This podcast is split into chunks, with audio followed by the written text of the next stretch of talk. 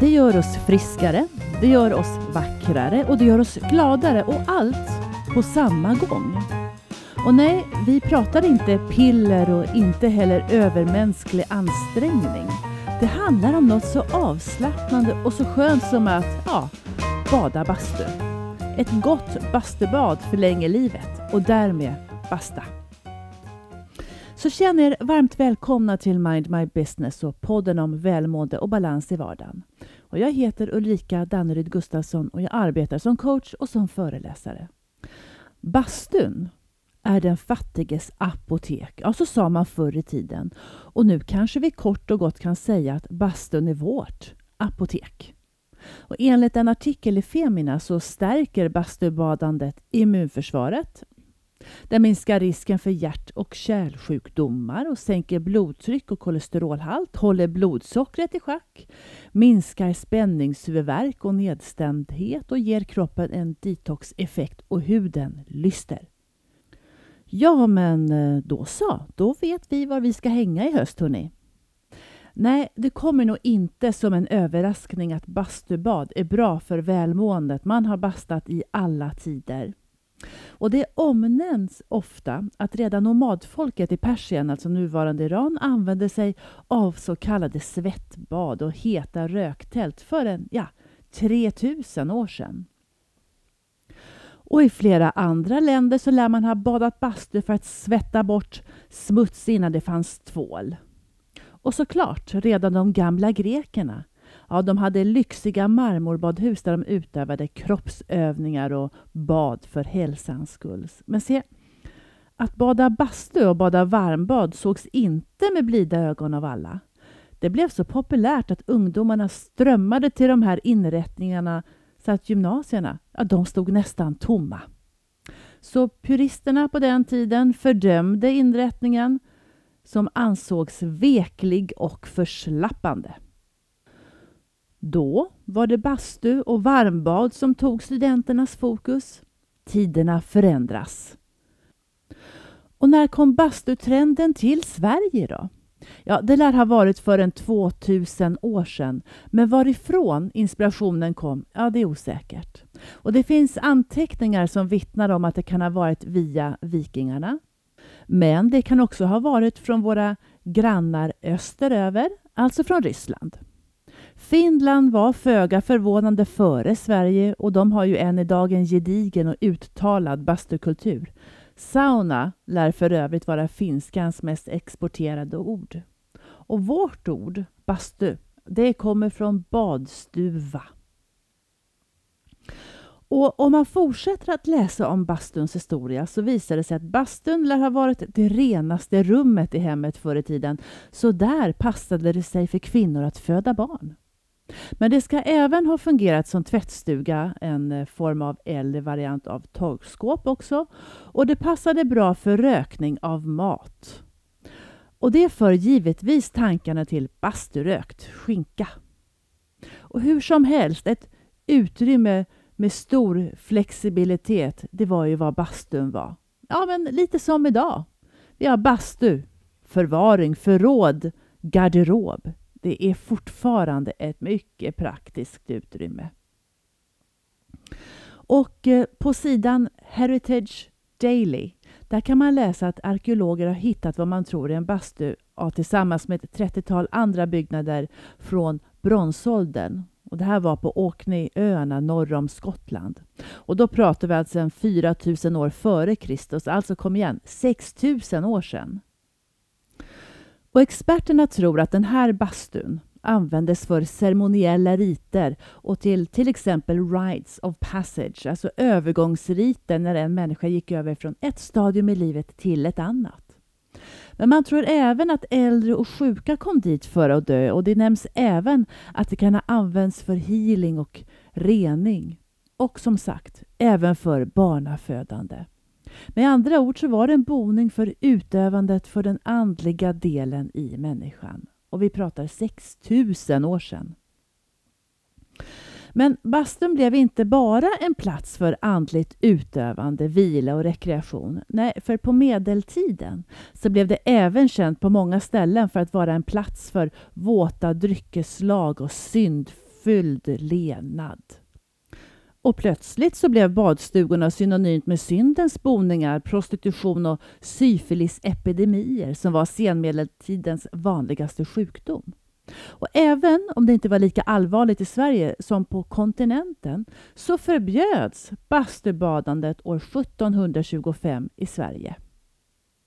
Och det ansågs till slut mycket ofint att svettas och något som lever kvar än idag. Och förbudet präglade verkligen Sverige och intresset svalnade rejält för den varma bastun. Och det höll i sig ända in till 1900-talet, kanske till och med så långt som in på 1950-talet. Och lite spännande i sammanhanget ändå är ju att Sveriges kanske mest kända badstuga är Rosenbad.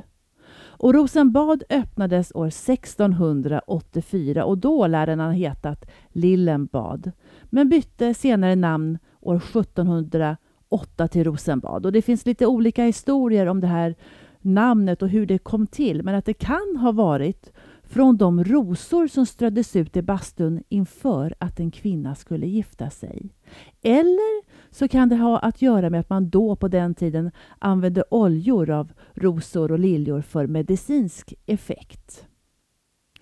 Och vet ni att Urho Kekkonen, Finlands president mellan 1956 och 1981, satte i system att ha politiska samtal i bastun. Och kanske vill historien att våra politiker ska göra samma sak så att de kan driva Sverige framåt nu när de ändå sitter i Rosenbad. Ja, men tillbaka till bastubadandet för just välmåendet. Som sagt, det är ingen historisk skröna att bastubad gör under för hälsan och den 23 februari 2015 så backades det även upp i en stor forskarpublicering av en finsk studie som var gjord på 2300 män under 20 års tid. Och studien visade på att ett regelbundet bastande sänker risken med en 60 procent av att drabbas av hjärt och kärlsjukdomar med plötslig dödlig utgång. Och även risken för stroke sjönk enligt den här studien. Och en uppföljning som forskarna gjorde visade dessutom att risken för demens minskade. Och ny forskning visar att risken för högt blodtryck kan minska med 50 procent vid regelbunden bastning. Och den rekommenderade bastutemperaturen ja, men det är väl mellan 80 och 100 grader ungefär. Och regelbunden, ja, får du till en 4 till 7 gånger i veckan då är det toppen för hälsan. Förvisso så var studien gjord på män, men enligt läkare så stämmer det även för kvinnor. Och vad är det då egentligen som händer i kroppen när vi sätter oss i en bastu? Ja, först och främst så reagerar kroppen med stress och gör sig redo att fly. Värme är något som potentiellt kan vara ett hot för kroppen såklart. Så hypotalamus i hjärnan registrerar värme via huden och aktiverar det sympatiska nervsystemet, alltså det icke-viljestyrda systemet i oss och som försätter kroppen i fight or flight mode när vi blir utsatta för psykisk eller fysisk stress. Sa jag att bastubad är bra för hälsan? Mm. Faktum är att värmen i bastun också får kroppen att framkalla feber och höjer kroppstemperaturen med upp till en grad, säger Hans Hägglund, docent och överläkare på Akademiska sjukhuset i Uppsala och medicinsk rådgivare för Svenska Bastuakademin. Vänta, sa jag att bastubad var bra för hälsan? Jo, för den här fight or flight och febertillståndet som kroppen försätter sig i medför en hel del goda saker. Eftersom kroppen då gör sig redo för fight så pumpar hjärtat starkare och blodtrycket tillfälligt höjs. Och hjärtfrekvensen kan öka upp till 150 slag per minut, kanske även mer.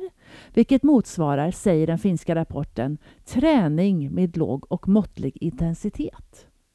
Och värmen i bastun gör att blodkärlen utvidgas och det gör att cirkulationen, blodcirkulationen alltså förbättras. Och när blodcirkulationen ökar så ökar syretillförseln. Och när kroppen också tror att den har feber så ökar produktionen av de vita blodkropparna och då aktiveras immunförsvaret och då blir vi såklart mindre sjuka. Och apropå en hjärtfrekvens på 150 slag per minut. Kommer ni ihåg avsnittet Musikens magiska makt? Där pratade jag om musik som håller 150 beats per minute, alltså 150 slag i minuten. Och att det är ett tempo som gör oss gladare när vi lyssnar till. Så att lyssna till eller uppleva 150 beats per minute verkar med andra ord vara hälsofrämjande. Och så finns det även studier att läsa om där det står att om du börjar Eh, med övningar i mindfulness, det vill säga stillar ditt inre system och plockar ner det till här och nu och sen utför fysisk aktivitet så får du bästa effekt för minskade stressnivåer. Ja, eh, jag kan ju tycka att även motsatsen är toppen, alltså ut och springa i spåret eller åk skidor och sen gå in i bastun. Det är fantastiskt. Men det verkar handla om att landa i sig själv Eh, och sen väcka kroppen och så landa igen någonting åt det hållet. Det vill säga landa i låg puls för att sen låta hjärtat pumpa på och så landa igen. Och då tänker jag att det är ju lite vad bastubad på sätt och vis handlar om. Vi går in i bastun och känner hur vi slappnar av i den goda värmen och kropp och själ börjar mjukas upp. Och efter ett tag i bastun så ökar hjärtfrekvensen så pass att det då motsvarar någon form av fysisk aktivitet. Även om Jari Laukanen, en av forskarna bakom den här finska studien, säger att nej, musklerna stimuleras inte på samma sätt när vi bastar som när vi tränar. Men den positiva inverkan på cirkulationssystemet påminner däremot om träningens hälsoeffekter. Så i alla fall, i bastun alltså får vi både mindfulness och träningens hälsoeffekter. Och när man efter ett tag då känner en ökad aktivitet inom sig och svetten bryter ut, ja, då är det bara att hoppa ner i tunnan och kyla av sig, eller duscha kallt, eller vad man nu föredrar. Och så drar blodkärlen ihop sig, så fysisk aktivitet i alla fall för ådror och för hjärta. Och det finns ett finskt ordspråk som lyder om kära brännvin eller bastu inte hjälper så är döden nära. Ja, min sann. Jo, jag sa ju i början också att bastubad även gör oss vackrare. Mm. Det är inte bara hjärta, blodkärl och hjärnan som mår gott av den här värmen i bastun. Det ger även en detoxande effekt. Rensa ut det gamla för att göra plats åt det goda och så får huden lyster och spänst på samma gång. Och tanken bakom detox det är ju ett, alltså ett sätt att främja kroppens utrens, utrensningssystem. Av vad då? Jo, lagrade gifter eller ja, toxiner och slaggprodukter. En välbalanserad kropp gör sig av med de här gifterna och slaggprodukterna men om systemet är överbelastat, ja, då blir de ju kvar i kroppen. Och det är då vi kan känna oss trötta och ha huvudvärk och ont i kroppen och dålig hy. Och vi blir lättare förkylda och irriterade och vi får inflammationer i kroppen. Och I ett tidigare avsnitt så pratade jag om cocktaileffekten. Kommer ni ihåg? Den där blandningen av kemikalier vi får i oss varje dag i vår vardag så att säga och att vi exponerade du mer än någonsin för konserveringsämnen i maten och konstgödsel och besprutade grödor och färgämnen i maten och färgämnen i kläder och kemikalier i både det ena och det andra och så just det, och socker. Och vill du nu inte ta en vanlig detoxkur så att säga, ja men se, då kan du bastu-detoxa. Och det är en stor trend i USA just nu. Nyckeln, det har ni säkert redan räknat ut, det är att svettas mycket. För när vi svettas så svettas vi just ut gifter och slaggämnen. Lite arsenik, bly, kvicksilver kanske och lite annat gott och blandat. Dock bör det tilläggas att de verkliga reningsorganen i kroppen är njurar och lever och att huden är ett led i den processen i och med att huden forslar ut de här gifterna och slaggämnena genom svettkörtlarna. Så hörni, svettas på bara. Och att basta, Ja, det är som att få en ansiktsbehandling men för hela kroppen, säger Francesca Fusco, känd dermatolog i New York. Vidare så säger hon att bastubad, framför allt ångbastu, ja som sagt, det hjälper alltså vår hud att hålla sig ung genom att ångan i bastun öppnar porer och ökar svettningen och stimulerar cirkulationen och eliminerar de här toxinerna då och stimulerar reproduktion av kollagen och djupt rengör och föryngrar huden. Och när vi blir äldre så producerar ju kroppen inte kollagen i samma utsträckning. Men se, då får vi hjälp av att basta även här. En annan tongivande röst på ämnet är hälsoexperten och läkaren Mark Hyman som tycker att alla former av bastu är oslagbara detoxmetoder. För poängen är att svettas ordentligt så att kroppens självrenande mekanismer aktiveras. Men se till att duscha ordentligt med tvål efteråt så att du tvättar bort alla gifter som du nu har svettats ut. Ja, det är inte bara skönt, ni hör. Vi blir yngre också av att basta. Det måste vara höstens bästa win-win. Och bastu året om är ju härligt, men kanske framförallt nu när höstrusket kommer så känns det som ett fantastiskt sätt att ta hand om sig själv. Det är varmt och det är lugnt och det doftar gott, oftast i alla fall. Och så går man ut och kyler av sig och så in igen till det varma och lugna och så ut igen i det avkylande och så in igen. Vet ni, jag har aldrig tyckt särskilt mycket om att basta förut. Jag fick en klaustrofobisk känsla. Men, men nu, när poletten liksom har trillat ner. Ja, bättre sent än aldrig tänker jag, men jag har insett att jag blir glad av att basta. Jag kan gå in i bastun och känna mig sådär medelmåttigt tråkig och lite låg och en dålig hårdag kanske jag har också och inte särskilt happy. Men hör och häpna. Efter värme, dopp i iskallt bad, värme igen, dopp igen, ni med, så händer det något. Det är något kul som börjar kännas i kroppen och då vill jag bara tillägga att jag bara dricker vatten. Oftast. Om än något bubblat, men bara vatten och ändå så känner jag att det händer något i kroppen. Någonting påtagligt. Det kommer liksom från magen och sprider sig i kroppen som en sol. Ja, men glädje. Och jag vet inte om glädje är rätt ord och jag googlade på det för att se om jag kunde hitta någon, någon bättre synonym och det blev mest nöjd och fröjd och munterhet. Ah. Oavsett. Känslan är så direkt och så häftig och så vill jag ju gärna berätta det här då för mina medbastare varje gång. Och de blir så glada varje gång. Men faktiskt så är det så att jag är inte ute och cyklar.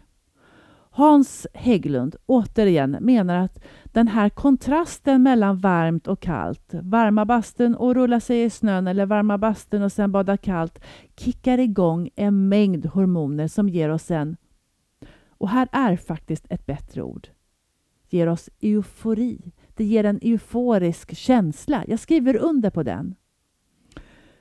Glåmig innan och plötsligt så är allt påtagligt toppen. Så värmen i bastun gör att kroppen producerar serotonin och oxytocin. Ja, men enkelt förklarat, ni vet, våra må bra och humörhöjarhormoner som gör att vi kopplar av och stressar av och så hjälper det vår nattliga sömn. Och det kalla då? Jo, skuttet ner i isvaken eller kalla duschen eller vad du nu föredrar drar i gasen för att det ska friges endorfiner och adrenalin i kroppen. Och det är bra för ämnesomsättningen hörni, och vårt välmående. Och blodkärlen drar ihop sig och även det lär vara bra för vår nattliga sömn. Så håll med om att det är en häftig cocktail det här. Serotonin, oxytocin, endorfiner, adrenalin. Det är nog inte så konstigt att vi mår bra av den här positiva vitamininjektionen. Och kanske det häftigaste av allt, man fryser inte. Jag som skulle beskriva mig som en frusen person kan stå ute i snön, i princip naken och inte frysa. Det är en sån märklig känsla. Och dessutom säger Linda Myrberg som är hälsoguru och spakonsult att blodkärlens väggar stärks genom att växla mellan varmt och kall påverkan. Och hela kroppen stärks och blir bättre på att hantera förändringar i temperatur och minskar kroppens åldringsprocess. Vad jag väljer att höra här är att vi blir inte gamla i kropp och i själ när vi bastar. Men som rekommendationen säger, ta det varligt. Och har du hjärtproblem, stäm av med din läkare innan. Och basta inte om du har feber. Och hörni, var försiktiga med alkoholen. Drick mycket vatten så att du behåller vätskebalansen. Och den där svetten vi svettas ut, den ska vi se till att duscha av så att den inte stannar kvar på kroppen. Jaha, sammanfattningsvis. Det känns lätt att summera det här måste jag säga, för mer välmående, inte bara i vardagen utan i livet också, så ska vi basta så ofta vi bara kan. Vi blir inte bara friskare, vi blir yngre och vi blir vackrare också. Ja, och det var allt för idag. Stort och varmt tack för att ni har lyssnat och tyckte ni om det? Lajka, dela och lyssna igen nästa gång. Och tills dess, in i badstugan med oss och därmed basta. 嘿。